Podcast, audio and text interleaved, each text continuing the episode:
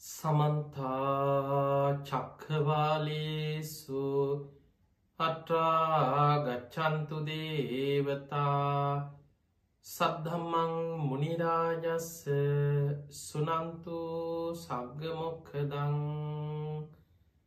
දමසවන කාලෝ අයංබදංතා දමසවන කාලෝ අයංබදංතා නමසවන කාලෝ අයංබදංතා නමුතස්ස භගවතු වරහතු සම්මා සම්බුද්ධස්ස නමුතස්ස භගවතු වරහතු සම්මා සම්බුද්ධස්ස නමුතස්ස භගවතු වරහතු සම්මා සම්බුද්ධස්ස හැම දෙනාටම තෙරවස්සන්න ප්‍රාර්ථනා කරමින් අදෝක හැම දෙනෙක්ම ඔබේ ජීවිතයට ඉතාම වැදගත් ධර්ම කාරණා රැසක් ශ්‍රවණය කරන්න මේ ධර්මශ්‍රවනයට එකතුවේ. තින් අද මේ ධර්මාණු ශාසනාවේ පිම්බරදාය කත්තේ දරන්න ජනවාරි හතරවෙනි දිනට තමන්ගේ ජීවිතයේ පනස්වනි ජන්මදිනය යෙදෙන මෙල්බන් නුවර ඔස්ට්‍රේලියාවේ මෙල්බන් නුවර පදිංචි මනුජිත් සමන්ත මහත්මා අද දවස මේ ධර්මාණු ශාසනාවේ පිම්බරදායකත්තේ දරන්න. එතුමන්ගේ අරමුණ තමයි ඉතා ඉක්මනින් උතුම් චතුරාරි සති ධර්මීම අවබෝධ වේවා කෙන උතුම් ප්‍රාර්ථනාව. අපේ කළම ටෙලිවිෂන් ආයතනයේ සෑම පුන් පොහෝ දවසකම සිදු කන රාත්‍රී ධර්ම දේශනාව පිම්බරදායකත්තේ දරන්නෙත් ඔස්ට්‍රේලියාවේ මෙල්බර්නුවර පදිංචි මනුජී සමන්ත මහත්මා තිං එතුමන්ගේ ප්‍රාර්ථනාව තමයි තමන්ටත් සුජීවත සින්න තම මෑණියන්ට නැන්දනියට බිරිඳ සහ දියනියන් දෙදෙනාට පවුලි හැම දෙනාටම තුනුරුවන්ගේ ආශිර්වාද නිදුක් නීරෝගී සම්පත්තිය දීර්ගාව සම්පත්තිය සැලසේවා උතුම් ධර්මාවබෝධීම ලැබේවා කෙන උතුම් ප්‍රාර්ථනා. ඒවගේම ලෝපුරා අද දින උපන්දිනේ සමරණ හැම දෙනාටමත් නිදුක් නිරෝගී සම්පත්තිය දීර්ගාව සම්පත්තිය සැලසේවා කෙනොතුම් ආශිර්වාද ප්‍රාර්ථනාව. ඒවගේම ගෞරෝණය දේශකයන් වහන්සේට ස්වාමීන් වහන්සේට අපට නිදුක් නීරෝගී සම්පත්තිය සැලසේවා උතුම් ධර්මාවබෝධයම ලැබේවා කෙ අපටත් ආශිර්වාද කිරීම.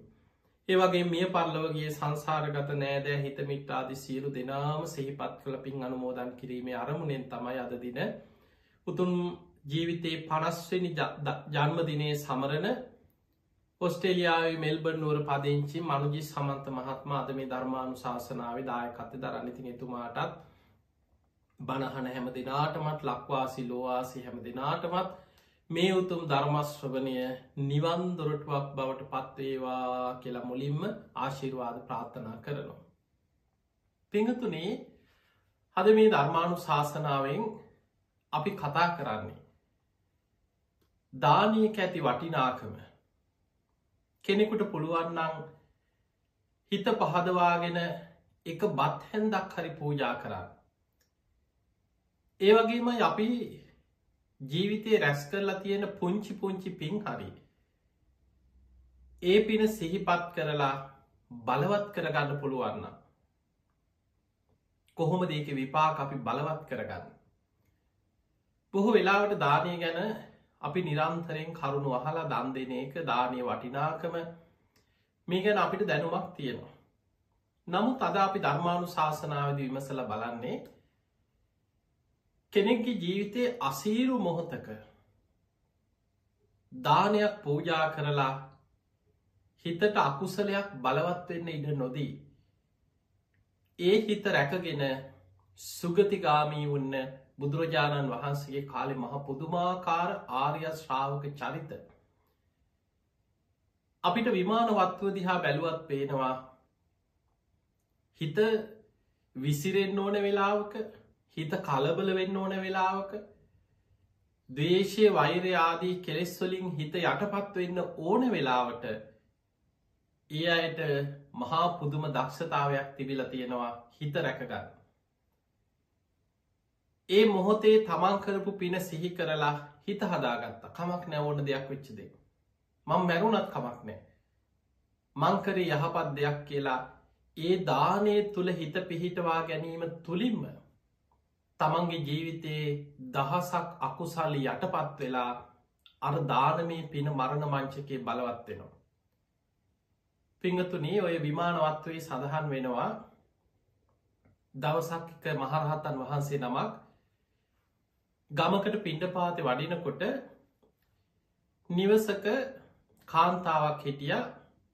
ඒ ස්වාමිය ඇත රස්සාාවකට ගිහිල්ල නැන්දම්මයි ලේලී තමයි ගෙදර ඉන්නේ. මේ දෙන්නට දෙන්න හැම වෙලාවෙම නිතර තරහෙන් වෛරෙන් ලේලි බොහොම ඉවසීමක් තියෙන කෙනෙ හැබැයි කොච්චර හොඳ කරත් නැන්දම්මට පේන වැරදිමයි. නැන්ද බොහොම සැර පරුස බොහොම දරුණු කෙනෙ හැම වෙලාම ලේලිට බනිනවා අහුවෙච්ච දෙකින් දමල ගහනවා. ඒත් ලේලි හිතරැකගෙන ඉන්නවා. ති ඔය අතරේ අර මහරහතන් වහන්සේ පිඩ පාති වඩිනකොට මේ කාන්තාව දැකලා කල්පනා කරා අනේ වෙනද නැන්දම්ම ඉන්න කොටනම් දානයක් අද්දී ගන විදිහක් නෑ අනේ අද මට දාන ටිකක් පූජ කරන්න අවස්ථාවක් ලැබෙනවා. ස්වාමීනයේ වඩින්න කියලා ගිහිල බොහෝම ගෞරුවෙන් උන්වහන්සේට වන්දනා කරලා එලියෙන් පුටුවක් තියලා බොහොම ගෞරවෙන් උන්වහන්සේට වැඩඉන්න ආරාධනා කර ස්වාමිනි ඔත්තන වැඩඉන්න ගෙදර හරි යමක් තියෙනවනම් මං ඉක්මනට ඔබහන්සේට දානට යමක් පූජ කරන්න. මේ කාන්තාව ගිහිල්ල බැලුව කුස්සියේ උයපු දේකවත් අඩුගානේ සූර ලවත් ගන්න වලඳකවත් දංකුඩ ටිකක්කත් නෑ. ඊට පස්සෙ බැලුවා කාම්බරයට ගිහිම් බල්ලකොට මෙන්න නැන්දම්මගේ කාම්බරේ උක් දඩු දෙකක් තියෙනවා. නැන්දම්මත් ගෙදර නැති වෙලා. ඒ වෙලේ කල්පනා කරා කමක් නෑ ආපු ගමන් මං කියනවා බැන්නොත් මටන මං හිතහදාගන්න. නැන්දම් මටත් මං ඒ පින් අනුමෝදන් කරනවා කියලා අර උක් දඩු දෙකාරගෙන මිරි කළ උක් පැණි ටිකක් භාජනයකට හදාගත්ත. හදාගෙන ගිහිල්ල ස්වාමීනී ඔබහන්සේට මේ උක් පැණිටික වලදන්න කියලා අර පාත්තරයට උක් පැණිටික පූජා කරන්න. උන්වහන්සේ ගාථාවකින් පින් අනුමෝදන් කරලා මේ උතුම් ස්වාමීන් වහන්සේ වැඩම කර ඔච්චරයි. දැ මේ කාන්තාව අර කරපු පින ගැන සිහි කර කර සිහි කර කර පුද්දුම සතුටකට පත් වුණ. පිංහතුරි බොහෝ දෙනෙකුට දන්දුන්නට පින්කරාට නැති කුසලතාවයක් තමයි ඒක. අපි දන්න අපේ රටි මිනිස්සු ගත්තත් බොහෝ වෙලාවට මහ විශාල පින්කං කරනවා. මහා සාංගීක දාන දෙනවා කටින පින්කං කරනවා මහ විශාල පින්කං කරනවා. හැබැයි ඒ පින්කං කරාට බොහෝ දෙනෙකුට හිතරැක ගැනීමේ දක්ෂතාවෙනෑ. ඔබ බලන්න පින්කං කරන්න ගිහිලා කී දෙනෙක්න එන මිනිස්සු එක් රණ්ඩු වෙනවා ඒ ආයතනයත් එක්ක තරහ වෙනවා පින්කං කරන්න ගිහිල්ල ප්‍රශ්න ඇති කරගන්නවා අපි ආයෙන්නෑ මෙතන්ට කියලා කේන්තියෙන් තරහ වෙලා රණ්ඩු වෙලා යන කී දෙනෙක් අද සමාජය තුළ පින්කං කරන්න ගිහිල්ලා අපිට දකින්න ලැබෙනවාද. හර කාන්තාව හිත හදාගත්තා. ඕන දෙයක් වෙච්චදේ මං කොච්චර ලොක පිනද්ද කර යනේ සාදු සාදු කර දැන් සතුටු වෙනවා. ඔය අතර මෙන්න නැන්දම් මාව හදිස්සිය. ආපු ගමන් දැන් අර උද්දඩු දෙක දැකලා බනින්න කලින් කල්පනා කරන්නේ නැන්දම් මගේ හිතට අකුසලයක් රැස්වෙයි මේක දැකලා නැති නිසා ඊට කලින් හිත රැකෙන විදිහට මංගේ පින් අනුමෝදන් කරන්න ඕන කියලා ගිහිල බොහෝම සතුටෙන් කිවම් මේ අම්ම අද ලොකූ පිනක් කරගත්තා. බොහෝම කේන්තෙන් හෝ මොකක්ද කියලා. ඊට පස්ස කිව්වා අම්මේ අම්මගේ උත්තරු දෙකක් තිබ්බන මේ කාම්බරේ මේ උක්දඩු දෙකාද ස්වාමීන් වහන්සේ නමක් වැඩම කරා පින්ඩ පාතේ. අම්ම හිටපු නැති නිසා මංගේ උක්දඩු දෙකාරගෙන මිරි කලා උප්පැනි ටිකක් උන්වහන්සේට පූජ කර මේ පින අම්මට අම්ම මේ පින් අනුමෝදං වෙන්න කියලා බොහෝම සතුටේ ඒ පින් අරකරපු පින්කම ගැන කියලා පින් අනුමෝදන් කරා. මේ නැන්දම්මට පුද්දුම වෛරයක් කේන්තියක් තියෙන දවේශ චරිතයක්. ඒ වෙලාම බැනවැදිල තිී කාගෙන් අහලද මගේ උක්දන්ඩ ගත්ත කියලා බැනගෙන බැනගෙන ගිහිල්ලා ඒ වෙලාවේ ආපු කේන්තියට එතන තිබ්බ පුටුවක් උත්සල ගැහුව. අර කාන්තාවකයේ යම් කිසි අකුසල විපාකයක් කර පුටුවෙන් ගහපු පාර වැදුනේ හිසේ නරක තැනක. එහෙේ මැදගෙන වැටුණා සුළු වෙලාවකින්ගේ වේදනාවෙන්ම මිය ගියා. දැම් බලන්න මැරිලා වැටෙන්න්න පාරක් ගැහුව කියන්න පුටුවකින් උත්සලා ඒ මොහොතේ මේ පාර වදිනකොටම මැරුණ නෙමෙයිනේ. එහෙ මැදගෙන වැටුණා. ඒ වේදනාවෙන් මිය ගිය. දැම් බලන්න ඔයනි වෙලාවක දැම් මේ නැන්දම්ම ලේලි අතර ප්‍රශ්නය ගත්තා. බොහෝ වෙලාවට මේ එදා වෙච්ච දෙයක් නෙමේ නිතර ගෙවල්වල රණ්ඩු දබර ආරවුල් කාලයක් තියෙන් නැති. දැ වෙන ලේලි කෙනෙක් නම් කොච්චර තරහකින් වෛරයකින් මම මැරිල් හරි ඕකකින් පලිගන්නවා කියාගෙන මැරෙන ඉන්නනි සමාජ. හැබැයි අර කාන්තාව කොච්චර හිත දියුණුද කියන්නේ නැන්දම්මට වෛර කරෙත් නෑ. ඕ මන් දානයක් දීලා මට වෙච්ච දේ කියලා දානට ගරහා කරෙත් නෑ. තැන් සමහරයි අපි දන්නවා දම් පින්කං කරන්න ගිහිල්ල ප්‍රශ්න ඇති කරගෙන අවසානි දානටත් බයිනව බුදු හාදුරන්ටත් බයිනවා සංඝයාටත් බයිනවා ඕම් පින්කල් අපිට වෙච්ච දේ කියලා තමන්ගේ පිනට තමන්ම ගරහ කරගන්න. අර කාන්තාව පිනට ගරහ කරෙත් නෑ නැන්දම්මට වෛර කරෙත් නෑ තමන්ගේ හිතට දවේශ හිතක් ඇතුල් වෙන්නවා තිඩ දුන්නේ. හිත රැකගත්ත පුද්දුම සිහියකින් හිත රැකගත්තා. හැම වෙලාවෙම අර පණයන වෙලා කොච්චර වේදනාවත්ද ඒ වෙලාවෙත් කරපු දානමේ පින්කම සිහි කරගෙන අනේ මං උද්දන්ඩක් මිරි කළ පූජා කරනේ සාදු සාදු කෙළ හෙම පණ කිය. නින්දෙන් පිබිදියා වගේ දෙව්ලොව දිව්‍යාංගනාවක් වෙලා පහළ වුණා. දවසක් මුගලම් මහරහතන් වහන්සේ වැඩම කරපු වෙලාවේ දෙවි දේවතාවරුන්ගේ විස්තරහනවා. පින්වත් දෙවිය පින්වත් දෙව්දු ඔබ මේ තරන් සැප සම්පත් විදින්නේ මොනවගේ පින්කං කරලද.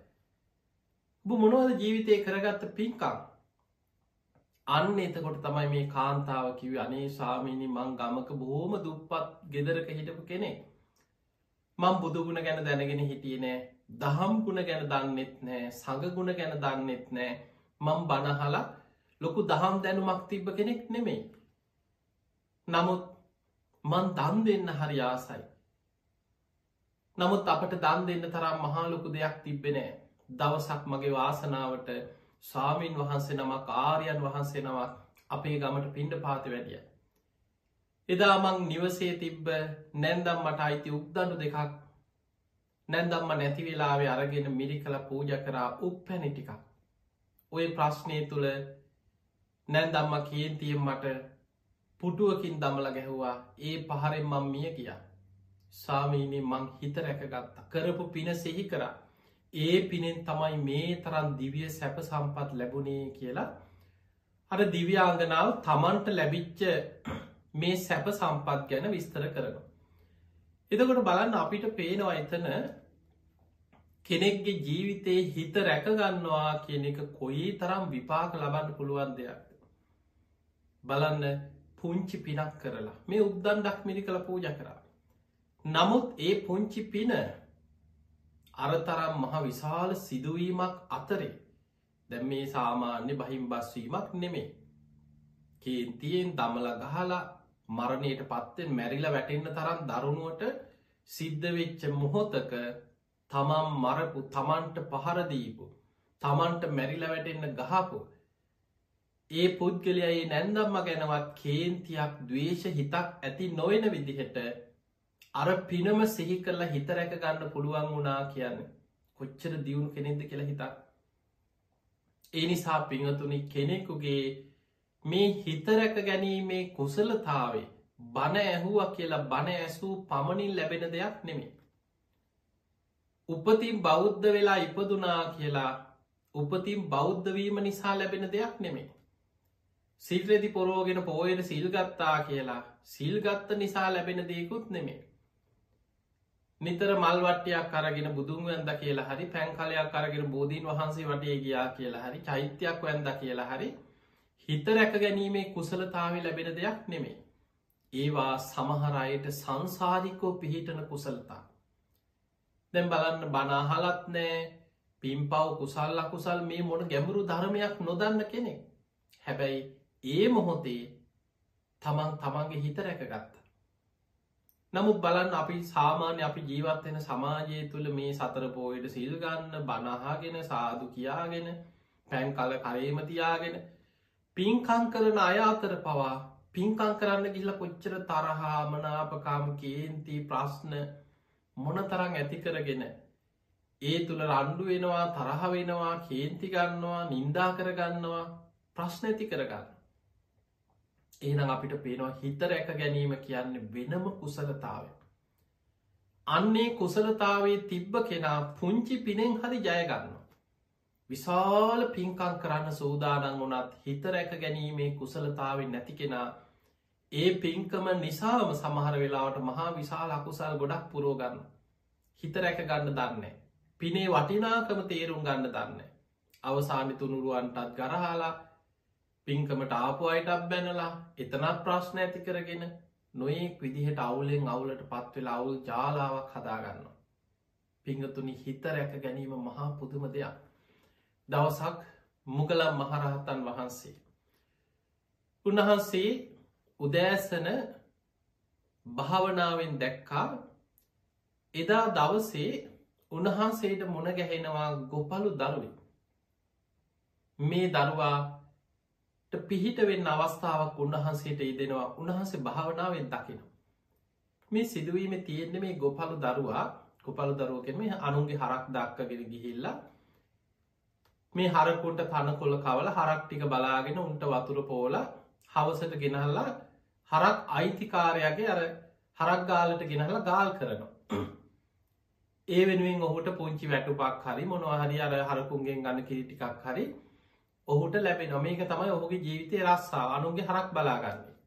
මහා උගත්කමක් තිබිච්ච දැනුමක් තිබ්බ බුද්ධිමත්කමක් තිබ්බ දරුවෙක් නෙමේ මුකලම් මහරහත්තන් වහන්සේ නිතර පිණ්ඩ පාති වඩිනකොට ඔය පාරිදී මේ ගොපලු දරුව මුණ ගැහෙනවා. නිතර උන්වහන්සේට මුණ ගැහිලා තියෙන උන්වහන්සේ වඩිනකොට අර හරක් හංචු අරගෙන යනකොට මේ ගොපලු දරුව මොකද කරන්න? මේ හරක්ටික පැත්තකට කරලා උන්වහන්සේ පාරි වඩිනකොට උන්වහන්සේට ඉඩ සලසනවා. අර කෙවිට අතේ තියාගෙනම හිසෙන් ගෞරව කරනවා සාමීනී කියලා අවසරයි කියල හිසෙන් ගෞරව දක්වන ඔච්චරයි. බණහන්න කවදාවත් බණක් අහන්න ඇවිල්ලනෑ පිම් පව් ගැන කුසල් අකුසල් ගැන උන්වහන්සේලාගෙන් විමසන්න ඇවිල්ල නෑ මෙලෝ පරලොව ගැන ජීවිතාවබෝධයක් තිබ්බ නැති දරුවේ අර හරක් දක්කන එක තමයි රස්සා වසරණකමට තිඟ එදා මේ දරුවා හරක් දක්කන්න දැන් උදේම ආවට පස්සේ මේ හරක් අයිතිකාර ගෙදරින් එදා පිට්ටු හදල තිබිල පිට්ටු කෑල්ලක් දුන්නා. හරක් ටික දක්කගෙන යනකොට කතා කරල කියව මේ කොල්ලො මෙහිවරේ. මෙන්න මේකක් කාලම පලයන් කියලා පිට්ටු කෑල්ලක් දුන්න. මේක කන්න අරගෙන මේක ඔතල ඉනේ ගහගත් අර ඇදගෙන ඉන්න සරමය මොතල ඉනේ ගහගත්තා. හරක් ටික වෙලට දක්කල තනකොළ කන්න දාලම මේක ගිහින් කනවා කියලා ඉනේ ගහගත්ත කෙවිට අරගෙන හරක් ටික දක්කගෙන යනවා එදා භාවනා කරනකොට උදෑසන මුගලන් මහරහත්තන් වහන්සේ දැක්කා මේ දරුවට අනතුරක් විපතක් වෙනවා. ඒ කරම විපාකයක් සර්පයෙක් දෂ්ට කරලා මිය යනවා. ඒක වලක්වන්න පුළුවන්දන එක සංසාරය ඔහු ගෙනාපු කර්මය ඔහුගේ ආවිශත් එක්ක සිද්ධ වෙන විපාකයක්. හැබැයි ඔහුගේ හිත පහදිනවා. මුගලම් මහරහතන් වහන්සේ මේ දරුවයින පාර ඉක්මනට උන්වහන්සේ පාත්තරය අරගෙන මේ දරුවා එන පාර ඉදිරියෙන් උන්වහන්සේ වැඩිය. දැන් අර හරක් රංචුවම දක්කගෙන යනකොට මෙන්න ඉදිරියෙන් වඩිනවා මුක්ගල්ලාන මහරහත්තන් වහන්සේ. වෙනද වගේම අර හරක්ටික පොඩ්ඩක් පාරෙන් පැත්තකට කරලා සාමීනී කියලා හිස නවල ගෞරව කරලා ටික දුරක් කැරකට මතක් වුණානේ මගේ ළඟ තියෙනවන පිට්ටු කෑල්ල. උන්වහන්සේ කී දවසක් නම් මේ පාරදි මට මොන ගැහුණද? නමුත් මගේ අත්තේ දෙන්න දෙයක් තිබෙන අද මගේ ළඟ පිට්ටු කෑලක් තියෙනවා. දුවගෙන ගිහිල්ලා උන්වහන්සේට වන්දනා කරලා කිව සාමීනී ඔහොම චුට්ටක් වැඩඉන්න අද මට පූජා කරගන්න දෙයක් තියෙනවා. අර ඉනේ ඔතාගෙන හිටපු මේ සරමින් තැන් හිතන්න මේ පිරිසිදුව මේ තියාගෙන හිටපු මේ ආහාරධානයක්ද කියලා අර ඇගේ දාඩිය ගෑවිච්ච මේ අදගෙන ඉන්න මේ සරමීම උතාගන්න හිටපු පිට්ටු කෑල්ල අර පිට්ටු කෑල්ල ලෙහෙල අරගෙන සාමීනි මං මේක පූජ කරන්නද මුගලම් මහරහතන් වහන්සේ පාත්තරේ විවෘත්ත කරා. අර පාත්‍රයට පිට්ටු කෑල්ල පූජ කරලා එහෙම බොහෝම සද්ධාවෙන් උන්වහන්සට වැන්න. වැදල මේ අනි පැත්තට හැරෙනට හරක්ටික පැනල වෙලකට. ඉක්මනට පින් අනුමෝදං වෙන්නවත් උන්වහන්සේ කියන දේහගන්නවත් විලාවක් නෑ එහෙම පූජ කරා අනි පැත්ත බල්ලකොට හරක්ටික වෙලකට පැනලා කෙවිට අරගෙන හරක් පස්සෙ දුවගෙන ගිහිල්ල වෙලට ගිහිල්ලා නියරදිග යනකොට අර නියර හිටපු මහා විසගෝර සර්පයෙක් මේ තරුණයට දෂ්ට කරා. මහා විස සහිත සර්පය මේ දෂ්ට කරනකොටම පාර වදිනකොටම ඒ විසෙන් එහෙමම ඇදගෙන වැටුණා. මුගලන් මහරහතන් වහන්සේ පියවර කීපයක් ඉදිරියට වැඩියා අර දරුවයිහෙම වේදනාවෙන් ඇදගෙන වැටෙනකොට හඬ ඇහුණ. උන්වහන්සේ ආපව හැල්ල බැලවා. අර නියර ඇදගෙන වැටිච්ච දරුවව මුගලම් මහරහතන් වහන්සේ දැක්කා. උන්වහන්සේ ආපහු හැරිලා මේ දරුව ළඟට වැඩිය. අර නියර දිගේ මේ සර්පය ඇදිලා ගිය මුගලන් හාන්දුරු දැක්කා සර්පයෙක් දෂ්ට කරලා.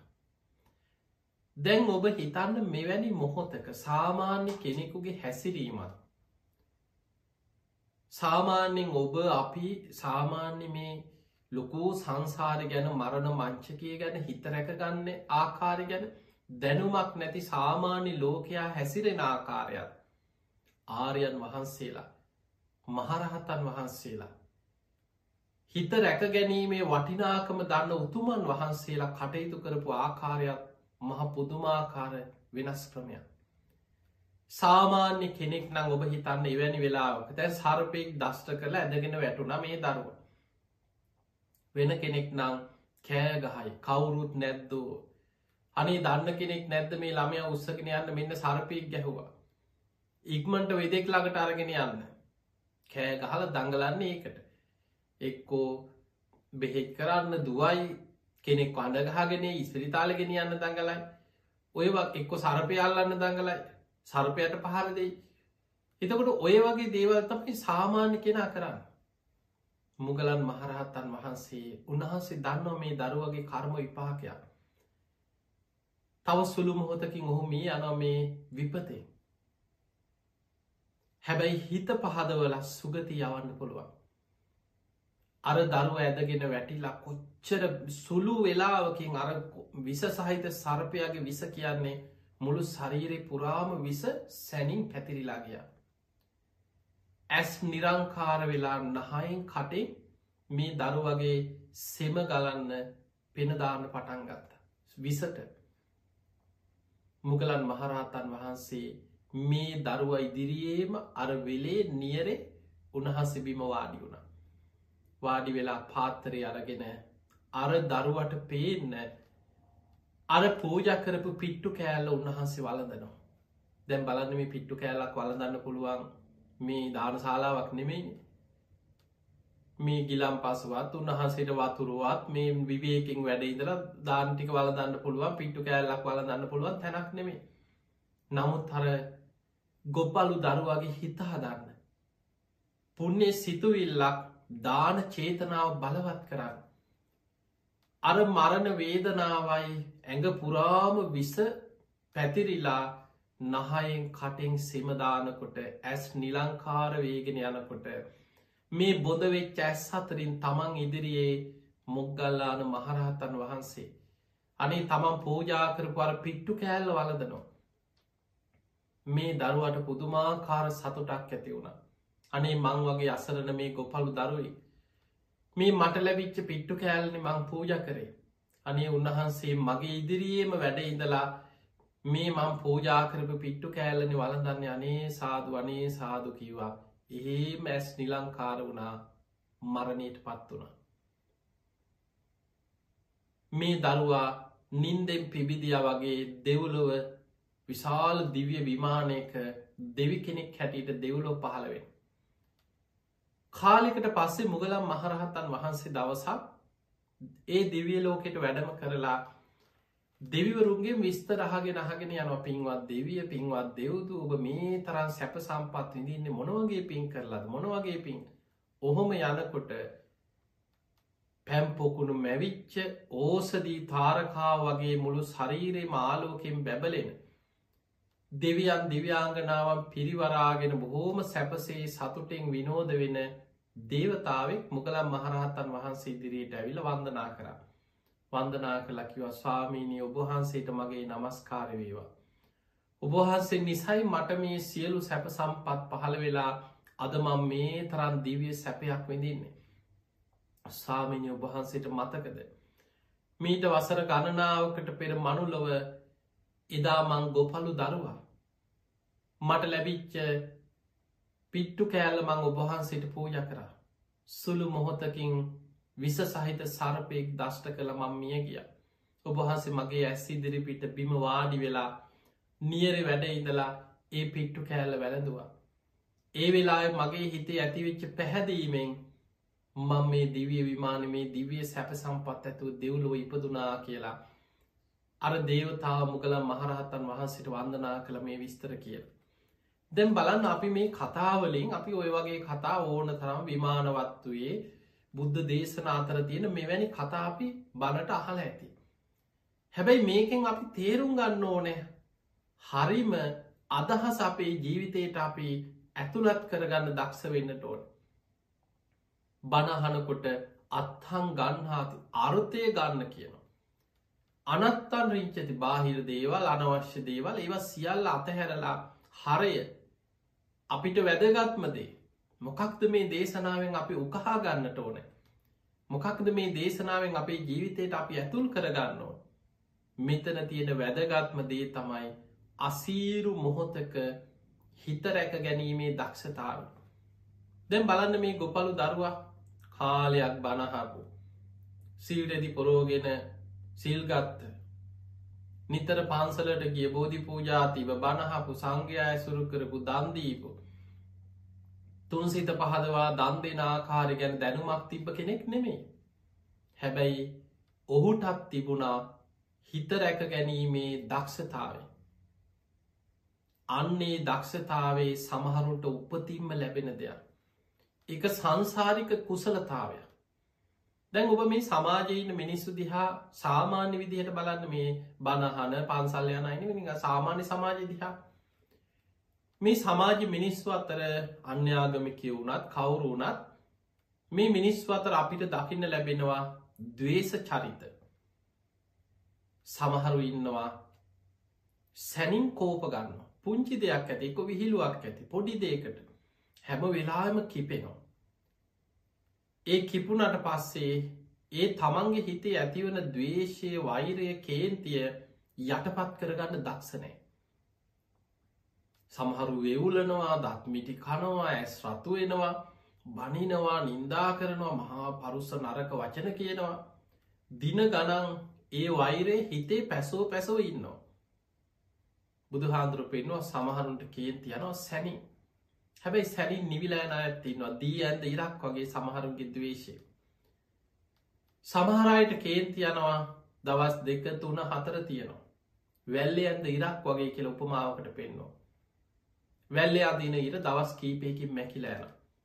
ඒ වගේ මේ ලෝක සමහරු ඉන්නවා දවේශය වෛරය කේන්තිය හිතේ තියාගෙන දවස් තුන හතරොහි බැන බැනා නින්දා කර කර සිහි කර කර තව තවත් අකුසල් පුරෝපුරෝ ඉන්නවා දවස් කීපයකින් ඒක හිතේ මග හැරෙනවා. මේ ලෝකෙ තවත් මිනිස්සු ඉන්නවා ගලය කෙටු ඉර වගේ දවේශය උපාදාන කරගන්න සමහර බුදුහාදුර පෙන දවේශය අනුභව කරන යක්කු පවයින්නවා කිය. ඔවුන්ට මිනිස් අතරත් ඉන්න කන්න බොන්න ඕනෙත් නෑ. නිදිමත එන්නෙත් නෑ අනුන්ට බැන බැන අනුන්ට සාප කර කර හතුරන්ට බැන බැන හතුරංව විනාස කරන්න සැලසුම් හදහද නිදි මරාගෙන ඒවම කියෝ කියෝ වෙලා යනුව දැනෙන්නෙත් නෑ කන්න බොන්න ඕනෙත් නෑ ඒත් බඩ පිරිලා. දවේශයම අනුභව කරගෙන දවේශයෙන්ම දවස ගත කර කර ඉන්නවා. සමහරය මැරෙනකම් පුංචි දේවල් මැරෙන කම්ම ඒක හිත හිතා හිත හිතා දවේශයෙන් වෛරෙන් ඉන්නවා. මැරෙනකොට ඊළඟ ආත්මටත් සංසාර වෛරයක් හැටියට මං මැරිල් හරි මුන්ගෙන් පලිගන්නවා කියලා අරගෙන යන ඉන්නවා. ඔය අතර මේ සමාජෙන් බලන් සමහරු ඉන්න ඔබ විහිළුවක් කරත් නොයි කේන්ති යන දේවල් සමහරු අනු අවසන්න උත්සාහ කරනු මේ සමාජී තුළ මතක තියාගන කෙනෙක් තුළ මෛත්‍රිය තියෙනවා වගේ. ඔහු මෛත්‍රී සහගතයින සමහරු බලනවා පොඩ්ඩක් නිකං පරීක්ෂා කරන්න. එයාට තරහ යනවද කියලා උත්සාහ කරලා කේන්ති ගස්හන්න උත්සාහ කරන ඇත් ඉන්නවා. කවුරු මොනවා කිව්වත් මොන වැරැද්ද තමන්ට කරත් අන යා කරගන්න දෙයාගෙනයයි කියල හිනා වෙලා මංගෝව ගණන් ගන්නෑ කියලා. එහෙම ඉන්න අය කොච්චර ඉන්නවාද? බෞද්ධ නොවන අය අතර කොච්චර ඉන්නවාද?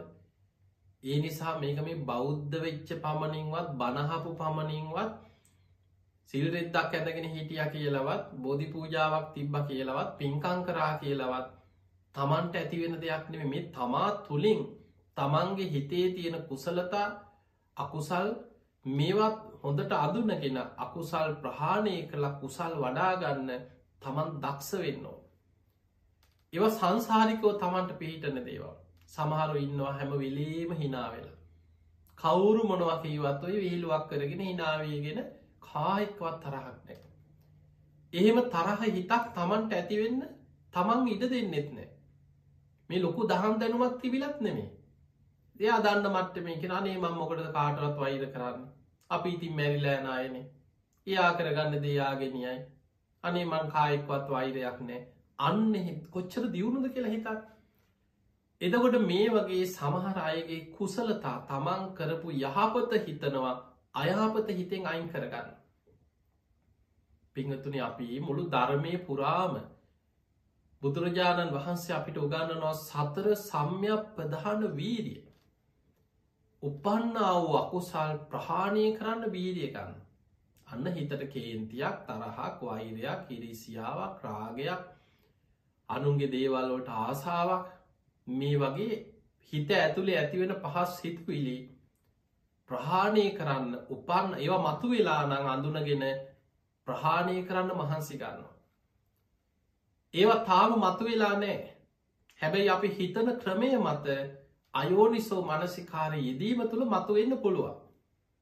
ඒවා එහෙමම යටපත් වෙලා යන විදිහටම වීරිය ගන්න. උපන් අකුසල් ප්‍රහාණය කරනවා නෝපන් අකුසල් නෝපදවන විදියට වීරිය පවත්තන. අකුසලයකට හිතේ බලවත්වෙන්න ඉඩ දෙන්නේ. නූපන් කුසල් උපදවනවා. උපන් කුසල් දියුණු කරනවා අන්න දක්ෂතාව. උපන් කුසල් දැන් මලන් පුංචි දානයක් දීලා.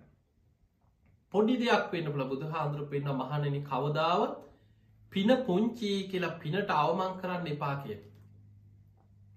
පුංචි පිනක් වෙන්න පුළුවන්. ඒ පුංචි පින හිතල හිතල හිතලා ඒක බලවත් කරලා ඒක මහා ආනිසංස ඇති බලවත් පිනක් බවට වර්ධනය කරගන්න පුළුවන් තමන්ගේ හිත තුළින්ම. දැ බලන්න උක්දන්ඩක් පූජ කරලා පිට්ටු කෑල්ලක් පූජ කරලා සමහරය වතුර ටිකක් දන්දීලා පිපාසෙන් හිටපු කෙනෙකුට සුගති ඉපදිච්ච සිදුවෙන් අපිට ධර්ම ග්‍රන්ථවල ඕන තරං අහන්න ලැබෙන. හැබැයි සමහරු මේ ස්වභාවේ හිත රැක ගැනීමේ දක්ෂතාවයමයි මේකට හේතුව කියලා තේරුම් ගන්න බැරි අය. මෙච්චර පින්කං කරලා අපේ ඥාතීන්ට මොකක්ද මේ වුණේ. අන්න තේරුම් ගන්න බෑ. ඒ අයි පිනට ගරහනවා. ඔච්චර පින්කං කල අපි මෙච්චර පින්කං කරකෝ ඒවැ විපාක? මතක තියාගන්න හිත රැක ගැනීමේ දක්ෂතාවයයි වැදගත්මද? පින පුංචි වුනත් ඒ කරපු පුංචි පින සිහි කලා සිහි කලා ඔබට හිත රැක ගන්න පුළුවන්න ඔබට මහ විශාල ආනි සංසයක් ලබන්න පුළුවන්. පිංහතුනි සමහර සිදුවීම් මං මේ ඔබට එකින් එක එකින් එක අතීත කතා සිදුවීම් මතු කරලා පෙන්නන්නේ හිත රැක ගැනීම කොච්චරනං මරණාසන්න මොහොතක පවා තමන්ට අකුසල් යටපත් කරගෙන කුසල් බලවත් කරගන්න මොන්න තරං උපකාර වෙනවද. බුදු හාන්දුරන්ගේ කාලේ සැවැත්නුවර පන්සීයක තරම් හොර කණ්ඩායමක් ඉඳල තියෙනවා. මේ හොරු ගම් පහරල බොහොම දරුණු හොරු පිරිසා. ඔය අතරේ ඈත නගරක ඉඳන් තරුණේ රස්සාාවක් හොයාගෙනාව නගරෙන් නගරට ඇවිදගෙන ඇවිදගෙන යන මොනවා හරි කුලී වැඩක් හරි මොනවා හරි වැඩක් කරගන්න ජීවත්තෙන් අතක් නැතුව යන මේ තරුණය ඔහොම ඇවිදගෙන නැවිදගෙන නැවිල්ලා හොඳටම වෙහෙසට පත්වෙලා එදා සැවැත් නුවර නගරේ අම්බලම කර නිදාගත්ත. එදා නගරේ හොරු පිරිසක් මේ හොර කණ්ඩායමම ගම් පහරල මේ බඩු අරගෙන මේ යනකොට අර අම්බලමටාව ආවහම් මෙන්න තරුණයෙක් ඉන්නවා. ගහල ඉවල නැකිට්ටව නැගිට පංකිව. බො මොකද මෙතන කරන්න. ඊට පස්සේ බයවෙලා වැඳගෙන කිවනේ මට අනතුරක් කරන්න එපා. නේ මාව මරන්න එපා.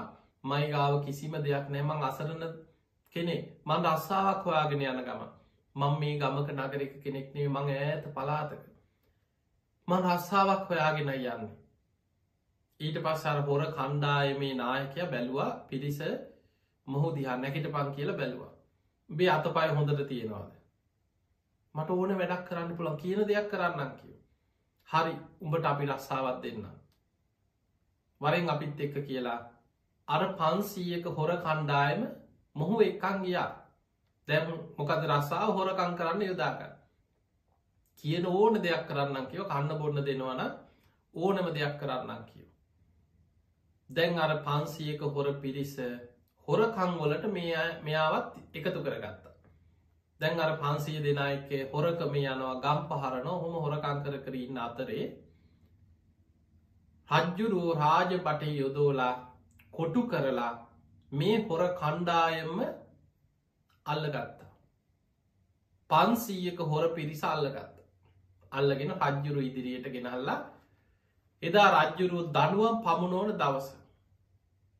මේ රජ්ජුරුව එදා කේන්තියෙන් හිටිය. මේ හොර කණ්ඩායම කරපු අපරාධ. ද රජ්ජුරුව දනුවමත් දෙන්න කලින් කියන රජතුවනි මෙන්න මේ අය මේ ගමේ මේ විදිහට මංකොල්ල කාලතියෙන මෙන්න මේ මේ විදිහට දැන් හොරකං කරන්න ගිහිල්ලා මිනිත් මරනවා. මිනිස්සු නැකිටල ඇහැරල කෑගහනකොට මිනිත් මරණ මේ වගේ මිනි මරලා තියෙන මේ වගේ අපරාධ කරලා තින මේ ගම කොල්ල කෑව. මෙන්න මේ විදියට රජ්ජුරුවන්ගේ ගම් පහරපු මේ හොර පිරිසක්. රජ්ජුරුව මේ කරපු අපරාධ අහගෙන අහගෙන ඉඳලා ඒ වෙලාම තීරණය කරා මේ සියලු දෙනාම හිස ගසාදාල මරන්නට ඕන. ඔන්න රාජ නියෝග එහෙම කියල රජ්ජුරුවම ඊට පස්සෙ කිව්වා හරි. මේ දඩුවම උඹලට උඹලාගේ එකෙක් ලවාම ඔය දඩුවමමං උඹලටම දෙනවා. මෙච්චර කල් එකට යාලුව වගේ එකට හොරක මේ ගිය උඹලා. රජ්ජුරුව කිව්වා කවුරු හරි කැමති කෙනෙ මේ ඉන්න පිරිසෙන් ඉදිරි පත්වයල්ලා මේ අනිත්‍යවුන්ගේ බෙලි කපන්න. ඒ ඉදිරි පත්වෙන කෙනාට ජීවිත දානය දෙනවා කිව හෝ මරදන්රේ නිදහස් කරනවා කවුරු හරි ඉදිරිපත් වුණු හැබැයි අර පන්සිය දෙනාගෙන් කවුරුවත් ඉදිරිපත් වන්නේ මොකද හොරකංකරත් වැරදි වැඩ කරත් මිත්‍ර ධර්මයක් කියල එකක් තිබිලතිය හොර කණ්ඩායමක වුණත් ඔය මැර කණ්ඩායමක වුණත් සමහර තියෙන යා පාවල දෙන්නේ නෑ ඒව මිත්‍ර ධර්ම හැටියටයි සමහරුන්ගේ යම් ගුණයක් හැටියට පිහිටිය. ඒ නිසා ඒ අය කමක් නෑ අපි මැරුම් කන්නම් පාවල දෙන්න කියලාර පන්සිය දෙනාම කවුරුත් ඉදිරි පත්තුන්නේ මේ අතරින් අර මනුස්සය නැකිට අතරුණය නැකිටල රජ්ජුරු ළඟට ගිහින් වැඳගෙන කිවනේ රජතුමනී ඇත්තට මට ජීවිත දානය දෙනවනං මං මුම් පන්සී දෙනාගෙන් බෙලි කපන්නක් කිව. අන්න පාවා දුන්න. දැ මේකුඩ් මේවැන් අපි ජීවිතවලට ගන්න ගොඩාක් දේවල් තියෙන. ඒ තමයි පිට ගතිය සමහර වෙලාවට සම්බන්ධ කර ගැනීම තුළ එවැනි චරිත ඉන්න පුළුවන්. අවස්ථාව ආපු ගමන් පාවල දෙන චරිත ඉන්න ඔය ඕනම සමාජයක. එතකොට අන්නේ ගතියෙන් මේ පුද්ගල ඉදිරිපත් වෙලාර එකට හෝරක මේ ගිල්ල මේ එකතු කරගත්ත කෙන.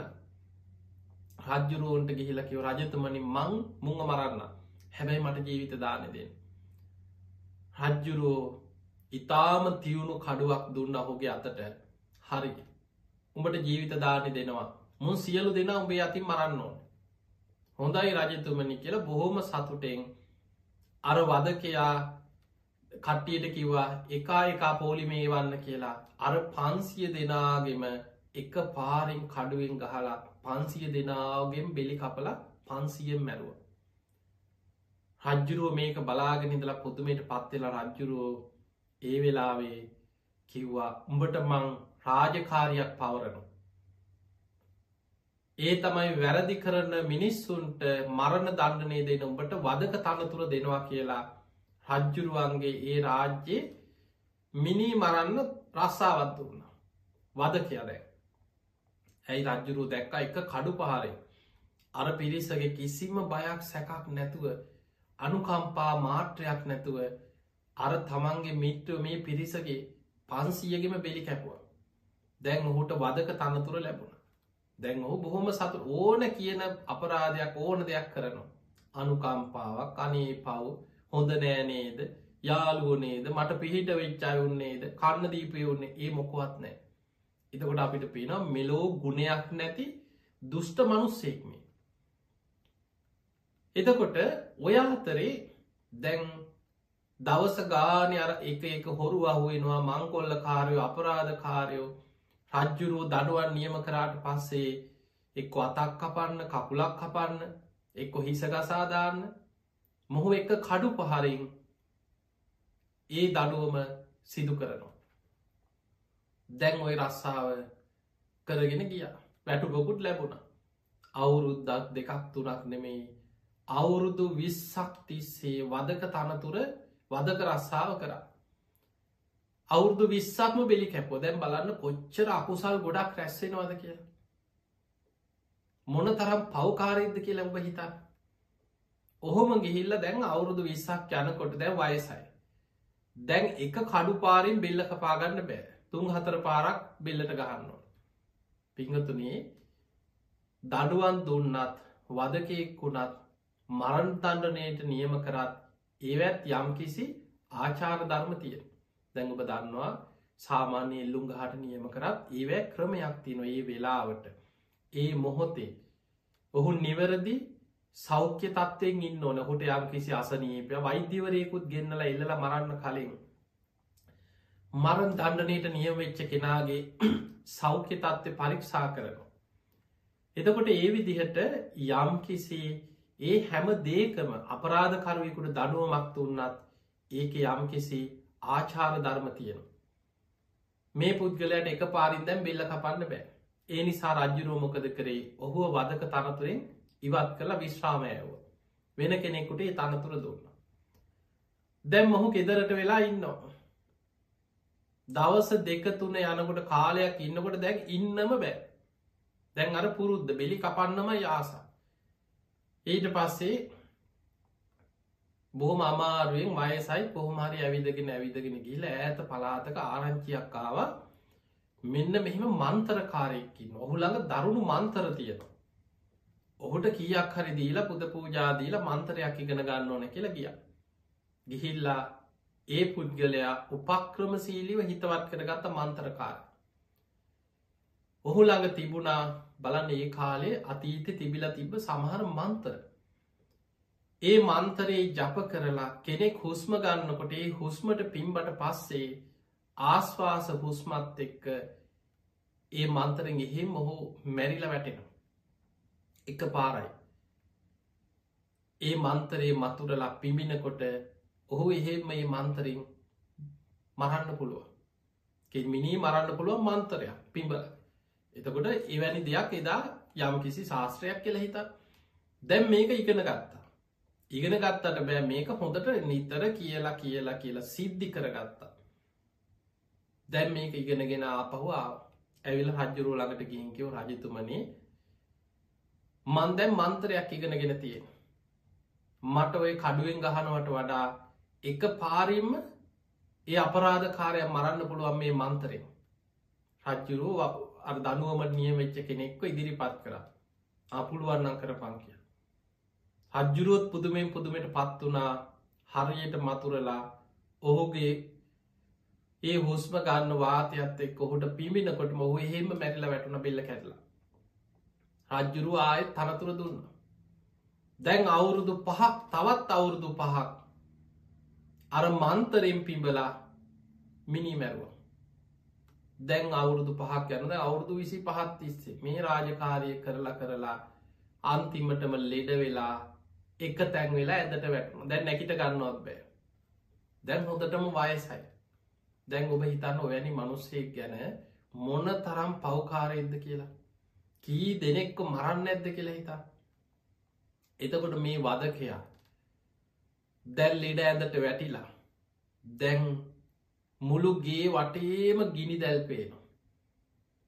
තමන්ගේ ඇද තමන් වටා මුළු පරිසරයම ගිනි ගන්නවා පේනවා ඇස්පියාගත්තකම පේන්නේයෝ අපායි නිමිති පහළ වෙලා නිරේ නිමිති පහළ වෙලා දැම් මේ පවකාරයට. තමන්ව උල්ලොලින් අනිනවා. පිහිවලින් තමන්ගේ හිසට අනිනවා. මස්කපට පිහි අරගෙන ඇවිල්ල තමන්ගේ බඩවැල් තීරු තීරු කපනෝ වගේ තමන්ට ඇස් පියාගත්තකමන් පේන්න මේවා. තමන් උත්සගෙන ගිහිල්ලා ගිනි අගුරු වලවල්වල දාලා පුච්චනවා ලෝදිය පෝනො මේවා පේනවා. එනම් අපිට පේනවා තමන් රැස්කරගත්ත කර්මෝල විපාක ඊළඟ ජීවිතයේ ගති නිමිති හැටියට නිරේ උපදින්න කරම හැදිලා දැම් මේ කර්මය බලවත්වෙලා දවල් රෑතිස්සේ කෑ ගහනවා විලාප දෙනවා ඇස් පියාගත්ත ගමන් මේ අපේන දැම් මරණ බයින් කෑගගහ විලාපදිදී ඉන්නකොට සාරිපුත්ත මහරහත්තන් වහන්සේ ඔය නිවස අස්සලින් එදා පින්ඩ පාති වඩින ධර්ම සේනාධිපති බුදුරජාණන් වහන්සේගේ ධර්ම චක්‍රයේ විදිහට පවත්වන සාරිපුත්ත මහරහතන් වහන්සේ. මේ නිව සාසලින් පින්ඩ පාති වඩිනකොට උන්වහන්සේට ඇහුන මේ මරහඬ විලාප දෙනවා කෑගහනු අනේ මාව බේරගනියෝ කියල කෑගහනු. ගින්දර පේනවා කියල කෑගහනු. සාරිපුත්ත මහරහතන් වහන්සේ කරුණාවෙන් අනුකම්පාවෙන්. කෞද මේ කියලා නිවස ළඟට වැඩම කළ විස්තර දැනගත්තා.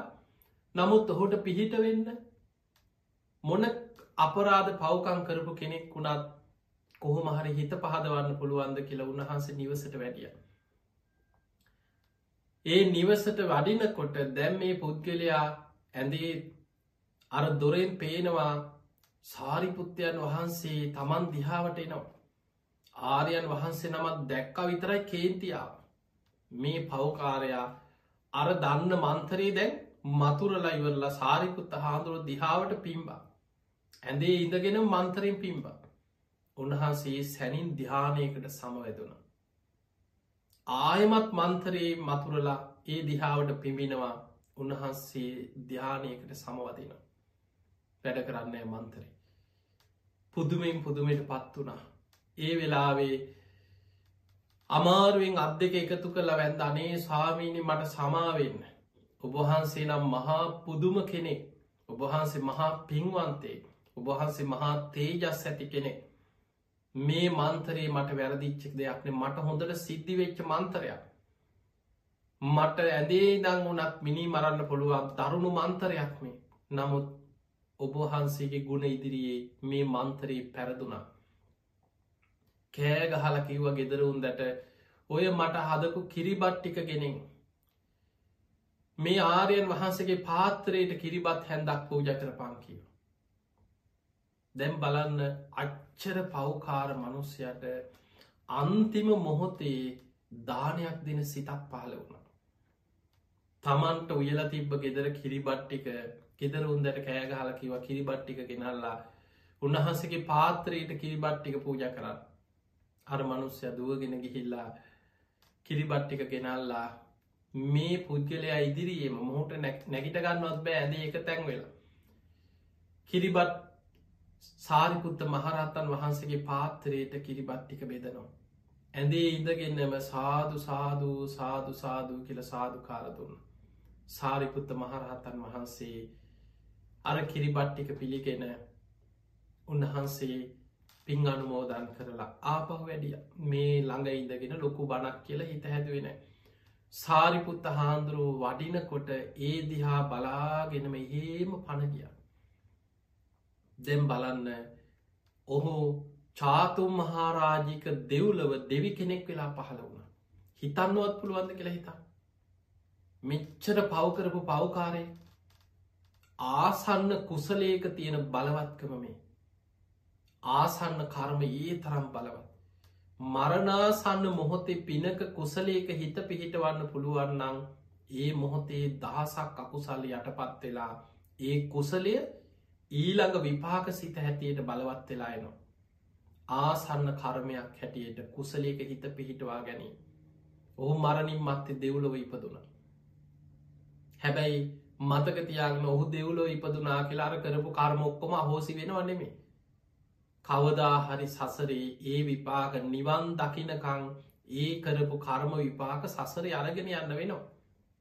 හැබැයි ඔහුගේ ඊළඟ ජීවිතයේ ඔහු අකුසල්ලි යටපත් කරගෙන සාරිපුත්ත හාන්දුරුවන්ට පාත්තරයට කිරිබත් බෙදපු පින ධර්ම සේනාධිපතින් වහන්සේට දානයක් දෙන්න හිතේ පහළවෙච්ච පුුණ්‍ය චේතනාව ඒ මොහොතේ බලවත් වනා ඒ සැනින් අකුසල් යටපත් වනා අර අපායන්න ගිනි දැල් පෙනිච්ච මේ වදකයා ඒ සැනින් ඒ පින බලවත් වෙලා කුසල සිතෙන් පුුණ්‍ය සිතෙන් දානමේ චේතනාව බලවත් වෙලා මිය ගිහිල්ලා දෙව්ලෝ ඉපතුනා.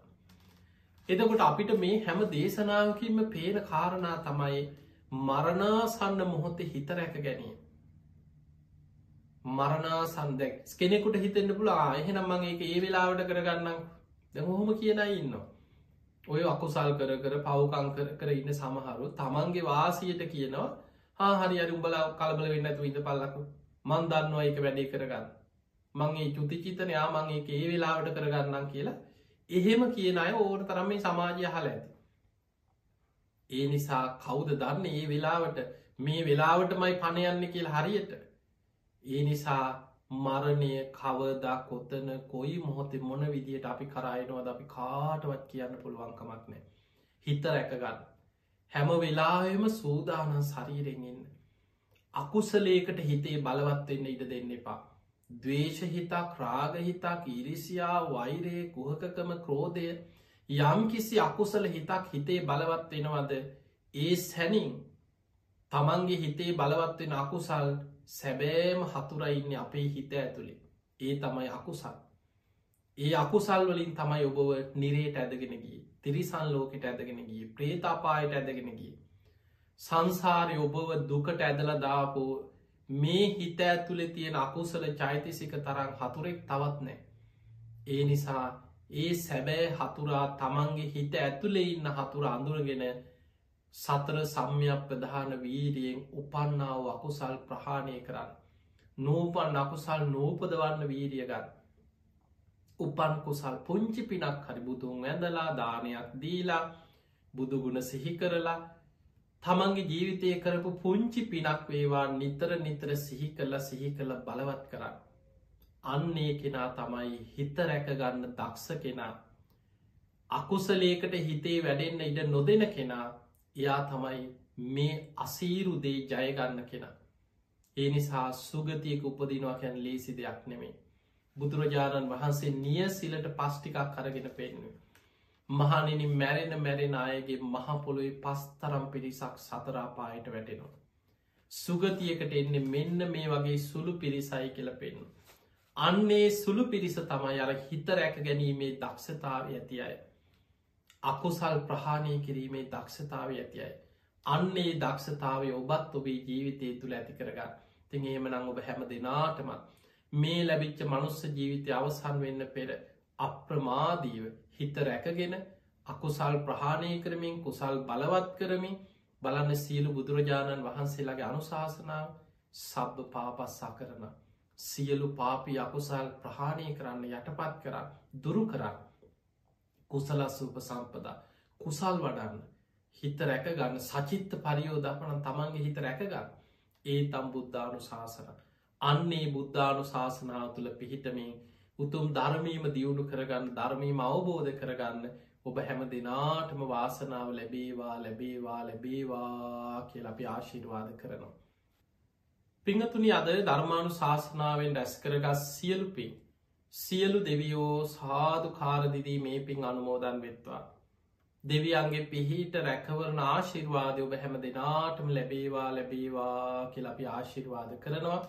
තින් අද මේ ධර්මාණු ශාසනාවේ පින්බරදායක් කත්තේ දරන්න ඔස්ට්‍රේලියාවේ මෙල්බනුවර පදිංචි මනුජී සමන්ත මහත්මා විසින්. ජනවාරි හතරවෙනි දිනට යෙදෙන තම ජන්මදිනයේ පනස්වනි ජන්මදිනය වෙනුවෙන් තුනුරුවන්ගේ ආශිර්වාදය නිදුක් නීරෝගී සම්පත්තිය සියලු දෙවියන්ගේ පිහිට රැකවන ආශිර්වාදය එතුමන්ට සැලසේවා කියල අපි ආශිර්වාද කරනවා එතුමට උතුම් ධර්මාවබෝධීම ලැබේවා කියෙන උතුම් ප්‍රාර්ථනාවෙන් අද මේ ධර්මානු ශාසනාව සිදු කරලා දානයන් අතර උතුම්ම දානය වන සබ්බදානන් දම්මදානන් ජිනාති කියන පින තමන්ගේ ජන්මදිනය වන අද දවස සිදු කරගන්නට එදේ.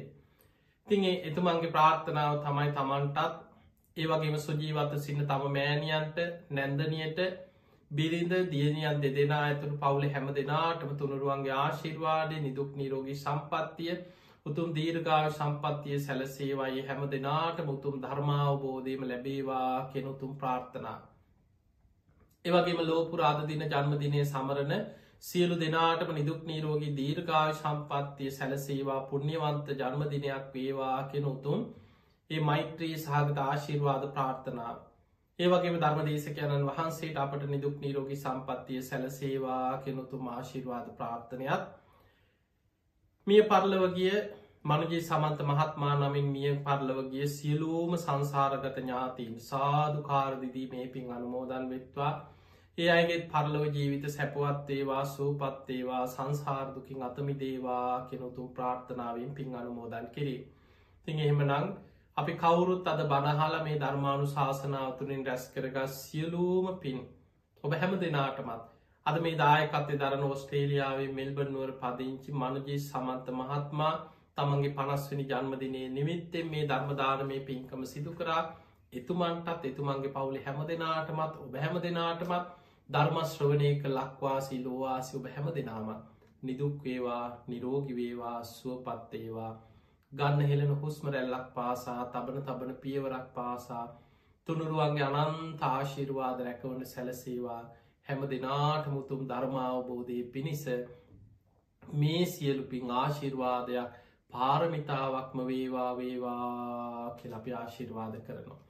ආකා සට්හාචබුම්මට්හා දේවානාගා මහිද්දිකා පුඤ්ඥන්තන් අනමෝදිත්වා. චිරන්රක් කන්තු ලෝක ශාසනං ආකා සට්හාච බුම්මට්හා දේවානාගා මහිද්දිකා පුඤ්ඥන්තං අනුමෝදිත්වා චිරන්රක් කන්තු දේශනං ආකා සට්හාච බුම්මට්හා දේවානාගා මහිද්දිකා පුඤ්ඥන්තං අනුමෝදිත්වා චිරන්රක් කන්තුතුවන් සදා හැම දෙනාටම සම්මා සම්බුදු සරණයි.